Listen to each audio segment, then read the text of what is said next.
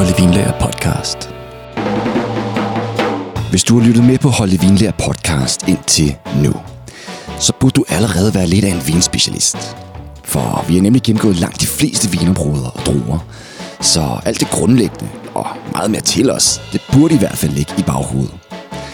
Men øh, vinverden, det handler jo ikke kun om bøger og teori. Altså, selvfølgelig skal man også have det ind under huden. Men øh, der skal jo også noget i glasset jo. Man skal jo hygge sig med vinen, og man skal smage sig igennem den her endeløse verden af oplevelser og nye indtryk. Men det skal virkelig også spille, når man gør det. Og det kræver altså også det rigtige værktøj. Så derfor så skal vi snakke om vinudstyr i dag. Det er nemlig noget, de færreste tænker over. Men øh, det er virkelig vigtigt, hvis du gerne vil tage vinen seriøst og få allermest ud af den. Så lad os se på, hvad du bør have stående derhjemme af gadgets og værktøj.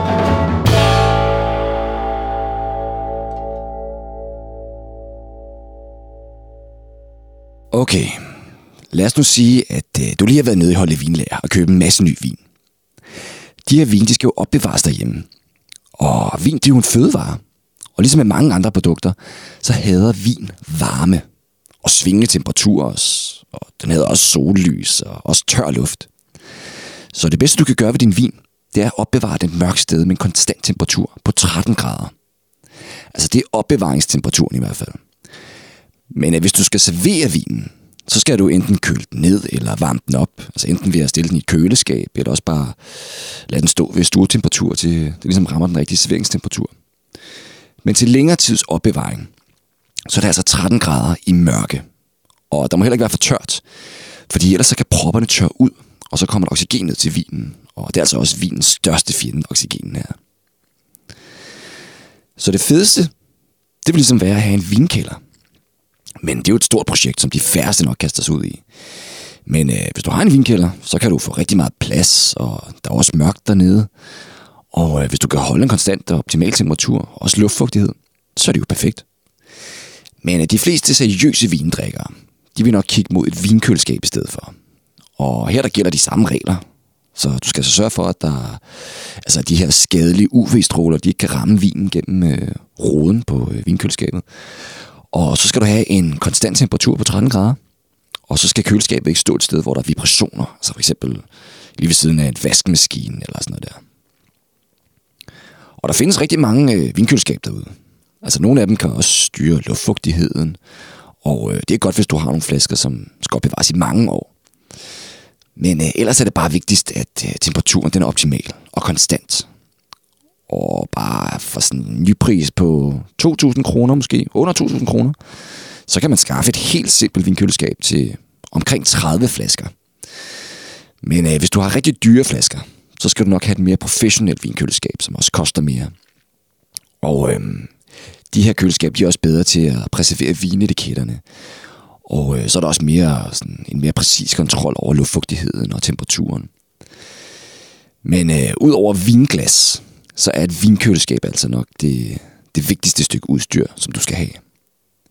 Så det skal du altså overveje. Men når vi så er klar til at hive flaskerne frem fra køleskabet, så er næste step jo at åbne vinen. Og her, der skal vi bruge en proptrækker. Og her er det faktisk sjovt at se, hvor mange forskellige proptrækker, der findes rundt omkring i de danske hjem. Men øh, det er faktisk de færreste, som har en rigtig proptrækker. Altså, der findes jo de helt simple af slagsen, som man kender, som jo bare har sådan et skaft med en skrue på. Og øh, så skal man også bare bruge håndkræfter på at hive proppen ud. Øh, det virker, men det er så lidt besværligt. Så der er også rigtig mange, der bruger den her velkendte sprællemandslignende proptrækker. Den kender du nok.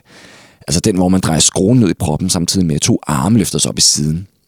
Og når skruen så er i bund, så presser man så de her arme ned igen. Og det løfter skruen, og dermed også proppen opad, og ud af flaskehalsen selvfølgelig. Og det er skidesmart lavet, og det virker også fint. Men øh, det er sådan et stort og klodset, sådan tungt værktøj. Og øh, så har den heller ikke en kniv til at fjerne folien fra flaskeåbningen. Men det har den klassiske tjenerproptrækker til gengæld.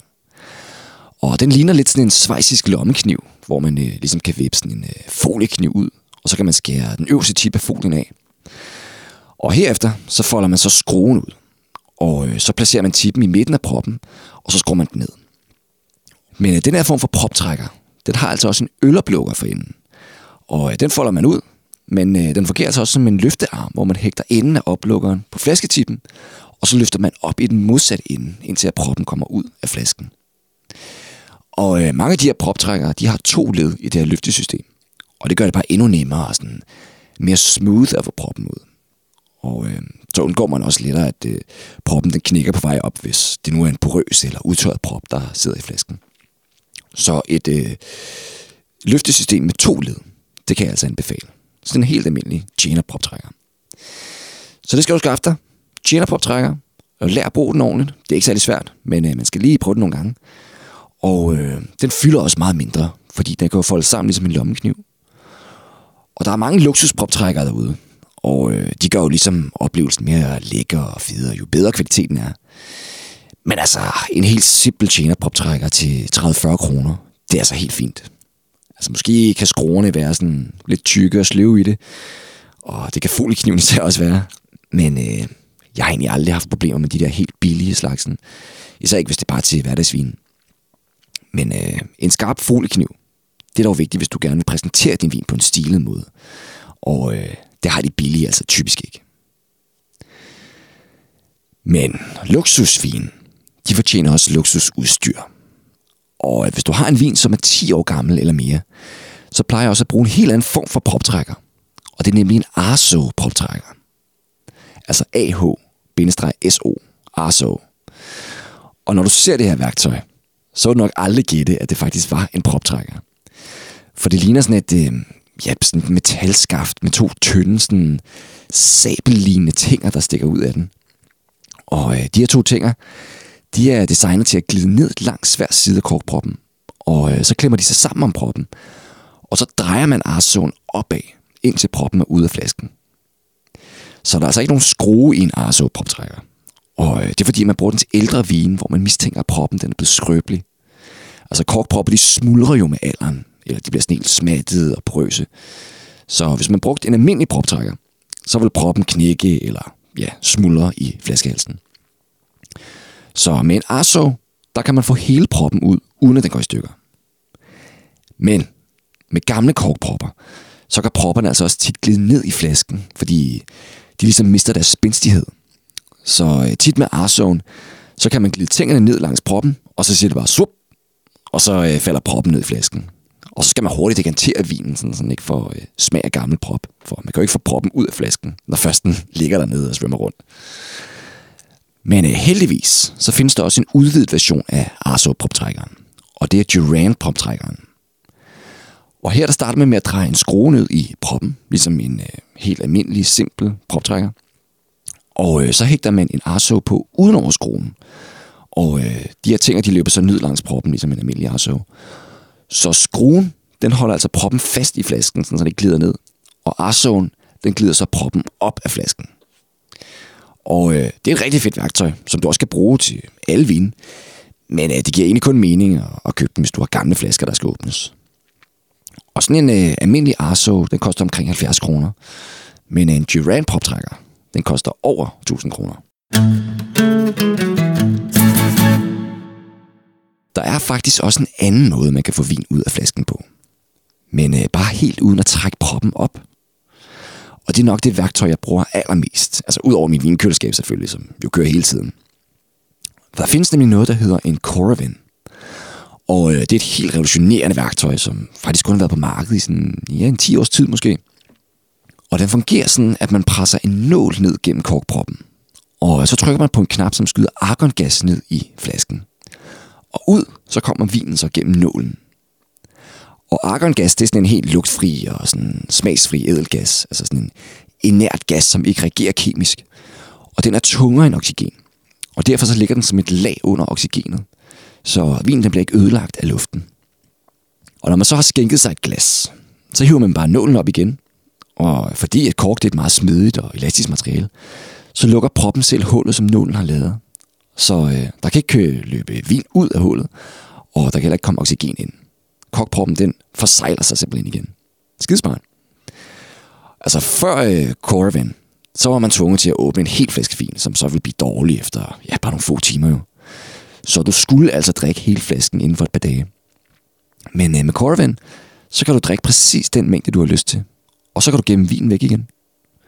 Og vine, de kan altså holde flere år. Det er selvfølgelig øh, ikke rigtig muligt at sige, hvor længe vinen holder, fordi Corvin har kun været på markedet i nogle få år. Men øh, prototyperne, som de lavede, de kunne altså holde vinene friske i fem år. Og det er altså ret imponerende.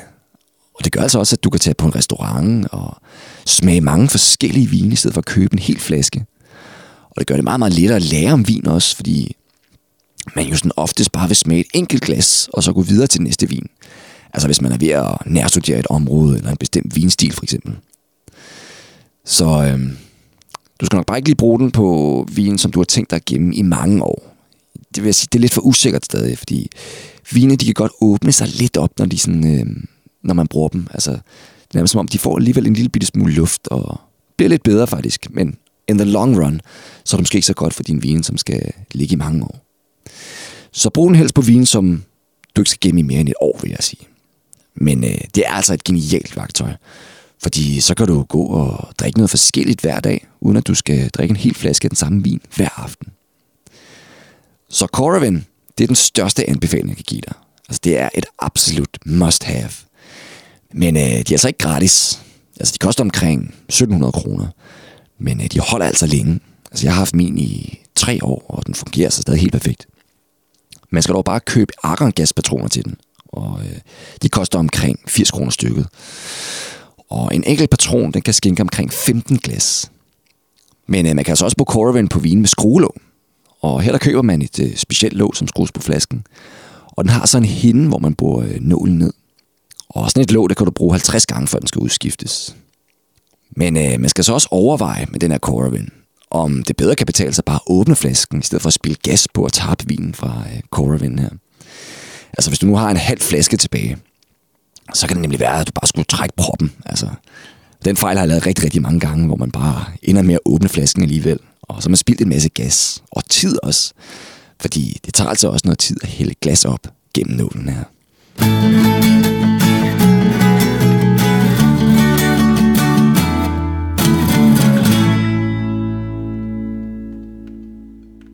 Okay, nu har vi så fået åbnet vores vin. Så nu skal vi hælde den op. Men før vi kommer til vinglasene, så kan det være en god idé at dekantere sin vin først. Altså det vil sige, at man hælder vinen op i en anden beholder. Og det gør man af to grunde. Enten så gør man det for at fjerne sediment fra flasken, især fra ældre vin. Og så hælder man vinen op i en øh, karaffel, og så lader man sedimentet blive i flasken. Og øh, man kan så skylle flasken og hælde vinen tilbage i flasken fra karaflen. Og det kalder man en dobbeltdekantering. Og øh, det præsenterer jo ligesom vinen på en lidt flottere måde, altså i den originale flaske. Men øh, ellers skal man også dekantere for at give vinen luft. Og langt de fleste vine, de har nemlig godt af at få noget oxygen efter åbningen, fordi vine de er tit ret lukket i aromaerne og smagen. Så det hjælper altså at få noget oxygen ind i vinen, så den ligesom åbner sig op. Og øh, her der skal man bruge en fladbundet karaffel. Og øh, det gør man, fordi at, øh, så er der allermest overflade til vinen, når man dekanterer den. Og du kan jo forestille dig, at en nyåbnet flaske vin, den kun får oxygen ind gennem øh, flaskeåbningen. Men øh, hvis du nu hælder en flaske vin ud over gulvet for eksempel, så er der ligesom rigtig meget overflade til vinen, som så oxiderer lynhurtigt. Så en fladbundet karaffel, den flader altså ligesom vinen ud og udsætter den for mere oxygen på én gang. Så det går altså hurtigere med en fladbundet karaffel. Og der er ikke rigtig nogen regel om, hvor længe at en vin skal dekanteres. Altså, jeg plejer at åbne vinen og smage på den, og hvis den føles indelukket i det, så hælder jeg den på karaffel. Og så følger jeg bare udviklingen af den løbende. For det er sådan, at vin de kan lynhurtigt oxidere for meget. Og øh, hvis det først er sket, så er der no way back. Så øh, følg udviklingen nøje, især hvis det er gamle vine. For de skal tit have lidt tid til at åbne sig. Men øh, der kan så gå nogle få minutter, hvor vinen performer perfekt, og så lukker den også bare lynhurtigt ned igen og dør fuldstændig. Det er så sket for mig mange gange, det der. Men øh, normalt, så plejer jeg bare at tage et, øh, altså hælde sådan en halv glas af en åben flaske vin op, og øh, så sætter jeg proppen på igen, og så smækker jeg den i et almindeligt køleskab. Og på den her måde, så åbner vinen sig meget langsomt op, og øh, det holder også på friskheden, fordi den jo er kold. Altså jeg er ikke så vild med at dekantere i stuetemperatur, fordi jeg synes, vinen de bliver ødelagt af for høje temperaturer. De mister friskheden. Så jeg vil hellere have, at øh, den serveres for kold, og så kan jeg selv varme vinen op med hænderne. Så pas på med at dekantere vinene for meget. Og øh, du behøver altså heller ikke en fladbundet karaffel, men øh, det er den, der dekanterer hurtigst. Jeg bruger altså også bare almindelige vandkarafler, som koster 10 kroner stykket. Og så, de er også helt i orden. Du kan bruge hvad som helst. Men øh, nu skal vi så fra karaffel til glas. Og øh, det her rigtig mange forbrugere, de har misforstået noget. Fordi mange vindrikkere, de bruger nemlig de helt forkerte vinglas. Altså et vinglas, det skal helst være formet som en tulipan. Så det vil sige, at den skal have en bred bogle, og så skal den snævre ind i toppen, sådan så aromaen ikke bare forsvinder ud over kanten. Så øh, de her sådan små farvede glas med brede toppe, som mange har, altså de er helt langt ude. Altså for det første, så kan man ikke se vinens farve, og øh, for det andet, så kan man heller ikke dufte vin ordentligt. Og mange vinglas er altså også produceret på en måde, sådan, så øh, at vin den rammer tungen på en bestemt måde, når den kommer ind. Og derfor så findes der også flere forskellige glas til forskellige vintyper. Og øh, de er ligesom designet til at highlighte bestemte smagsindtryk. Men øh, hvis du er en seriøs vindrikker, så vil jeg sige, at du ikke har brug for mere end ja, tre forskellige glastyper. Altså jeg bruger glasene fra glasproducenten Salto. Og øh, det vil jeg sige, det er nok de mest pålidelige glas på markedet. Og det er også det, med alle branchefolkene bruger. Og øh, med Salto, så vil jeg skaffe deres Bordeaux-glas, som fungerer godt til vinen i Bordeaux-stilen, eller til Brunello for eksempel. Og så vil jeg også tage deres øh, Bourgogne-glas. Og det er jo perfekt til de mere elegante Bourgogne-agtige vine, ligesom Pinot Noir og Nebbiolo for eksempel. Og det er sådan et stort glas med en bred bogle, som virkelig samler aromaerne. Og deres øh, universalglas, det kan du også bruge til hvidvin og champagne. Og du kan også bare bruge det som et godt allround glas. Altså universalglasset kan du bruge til det hele.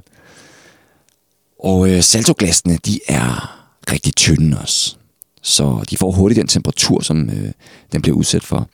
Altså tykke glas, de er ikke gode, fordi de holder på varmen, eller kulden også for den sags skyld. Og så føles de også bare mega kluntede.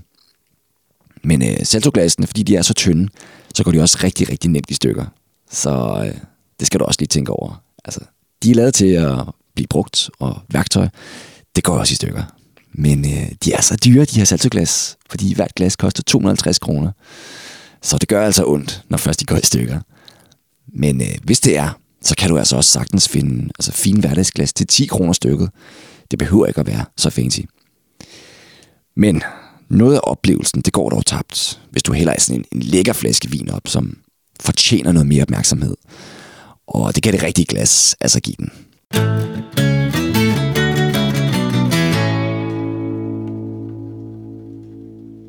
Vi elsker alle sammen champagne. Og der er også nogle få gadgets, som du skal skaffe dig her. Altså, vi kender jo champagnespanden. Og det er jo meget simpelt. Altså, det er jo bare en spand, som man hælder is i, og så holder den flasken af kold. Og de fås i metal eller plastik, men øh, dem i metal, det holder bedre på kulden. Og så er det jo vigtigt at holde på boblerne. Og det gør man ved at øh, holde champagnen kold, men også ved at lukke boblerne inde. Og her der kan du få en meget sådan simpel champagnestopper, og det er ligesom bare en, ja, sådan en form for låg, som du hægter fast på flasken. Og det giver en god forsejling, sådan så øh, boblerne de ikke forsvinder så hurtigt. Men du skal altså stadig drikke champagne inden for 24 timer, for øh, ja, ligesom at få den bedste friskhed i boblerne. Så du kan ikke bare øh, gemme øh, champagnen væk med den her øh, champagnestopper. Du skal stadig drikke den rimelig hurtigt. Og Coravin, de har faktisk også lige lanceret et system til champagne. Men øh, det er dog også dyrt, men det fungerer. Men her kan vinet dog kun holde sig frisk i sådan, ja, måske højst nogle få måneder. Men det er smart lavet. Og der er også mange, der køber champagne-sabler. Og det er jo sådan et show-off-værktøj. Og det er jo sådan, at øhm, champagneflasker, de har en samling, der løber led langs siden af flasken. Og hvis du løber en kniv, eller en sabel, eller ja, faktisk hvad som helst, altså hen over den her samling, øhm, sådan så øh, den genstand, du bruger, den rammer forhøjningen ved flaskeåbningen. Altså hvis du gør det med et fast tryk, så springer tippen af flaskehalsen af. For der er jo masser af tryk i sådan en her øh, champagneflaske. Jo. Så øh, det vil altså sige, at proppen og det glas, som omringer proppen, det bliver skudt afsted. Og hvis du gør det rigtigt, så vil du kunne se, at der også efterlades en clean cut på flasken. Men øh, du skal altså være sikker på, at du gør det rigtigt, det her. Fordi ellers skal flasken altså også bare eksplodere ud over dig. Det er der mange, mange videoer på YouTube, der, øh, der nok skal vise dig. Men øh, champagne-sabler, det er jo kun for the show, egentlig. Altså, du kan også bare bruge bagsiden af en køkkenkniv, Og på nogle flasker kan du også bare bruge basen af et glas for eksempel. Der skal faktisk ikke så meget tryk til. Og øh, der er mange måder at sable en champagneflaske på. Men øh, du skal altså være meget forsigtig, fordi det er jo glaskår, du har med at gøre. Så du kommer slet til skade med det. Og øhm, nu snakkede jeg også lige om at holde champagnen frisk. Men hvad nu, hvis du har åbnet en almindelig flaske vin, og gerne vil gemme resterne til en anden dag? Ja, altså, en vin, den begynder jo at dø lige så snart den udsættes for oxygen. Og jeg vil sige, at hvis man stiller en halv flaske vin på køkkenbordet i stuetemperatur, så er den død efter 12 timer. Men øh, hvis du smider den i et almindeligt koldt køleskab, så kan den holde op til 48 timer. Og især hvis du bruger en vakuumpumpe, hvor du ligesom smider en prop i, og så pumper du oxygenet ud af flasken. Og det bremser oxideringsprocessen lidt. Og øh, de her vakuumpumper, de koster heller ikke det store. Altså omkring 150 kroner. Øhm, men du kan ikke bruge den på champagne til gengæld. Kun på almindelig vin. Så et koldt køleskab, det er altså det bedste, du kan gøre for at udvide din vins holdbarhed.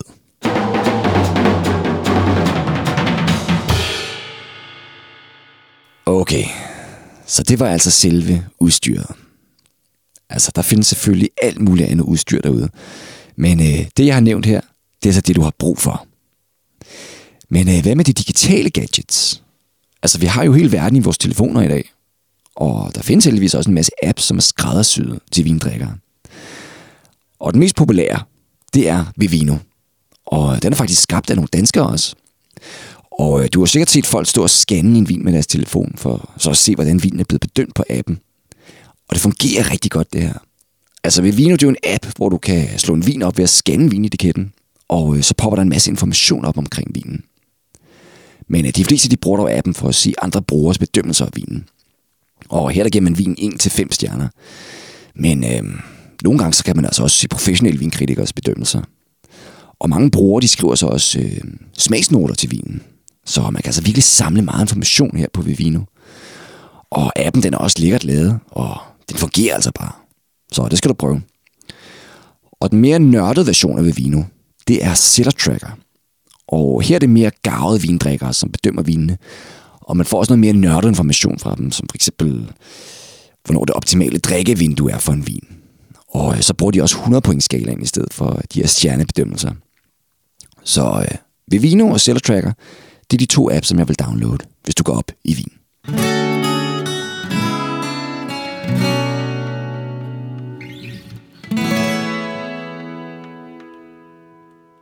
Populærkulturen kan heldigvis også lide vin. Der findes faktisk en streamingtjeneste, ligesom Netflix, som kun fokuserer på vin og mad. Og den hedder Som TV. Og her der finder du de bedste film og serier omkring vin. Altså blandt andet de her populære Som-film, hvor man følger sådan en gruppe sommelierer, som studerer til mastersommelier-eksamen. Og det er en af de mest svære uddannelser i verden at gennemføre. Og det er ret fascinerende at se de her sommelierer her, fordi man får virkelig øjnene op for, hvor nørdet og omfattende vin egentlig er. Og det samme koncept, det ser man også i tv-serien Uncorked, hvor man øh, følger de studerende op til mastersommelier-eksamen. Men øh, den her streamingtjeneste, Som TV, de har der jo masser af dokumentarer om vin, og også spillefilm. Så det vil jeg helt sikkert abonnere på. Men øh, den mest populære spillefilm om vin, det er nok Bottle Shock. Altså sådan en øh, Hollywood-film. Og den handler om Steven Spurrier, som øh, afholdt den her legendariske blindsmagning i 1976, som ligesom bragte øh, Amerika og senere også øh, resten af de oversøiske vinlande på øh, vinverdenskortet, kan man sige. Og her er det Alan Rickman, der spiller hovedrollen. Det er en meget underholdende film. Og så vil jeg også se øh, Austin James' Big Wine Adventure. Og det er James May, altså ham fra Top Gear, og så vinkritikeren også Clark. Og de tager på en øh, vintur i Frankrig og USA.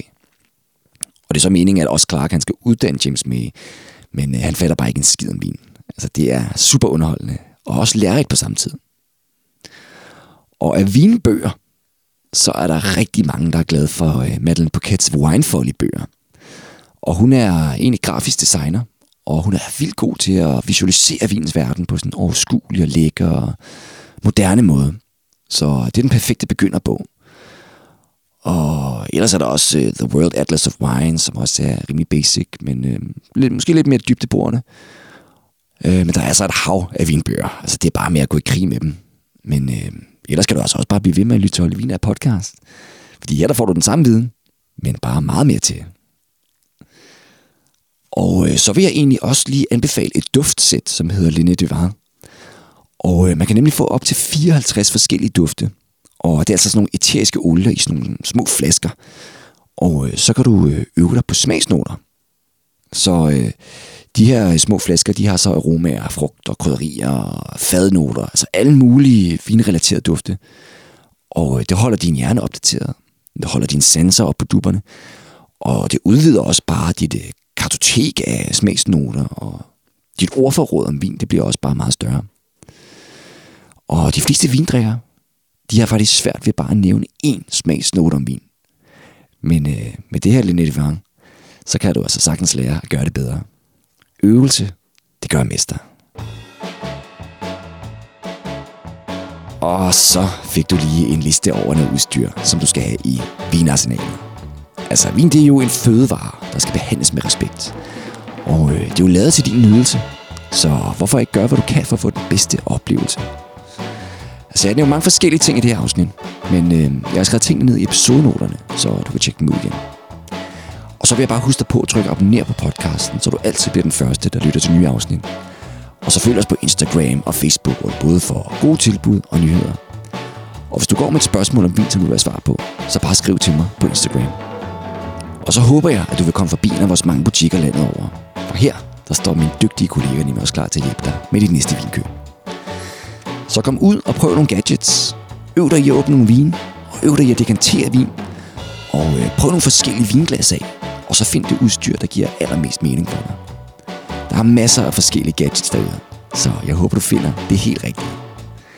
Ha' det sjovt med nørderiet, og så lyttes vi ved i afsnit 50 af Holde Vinlærer podcast.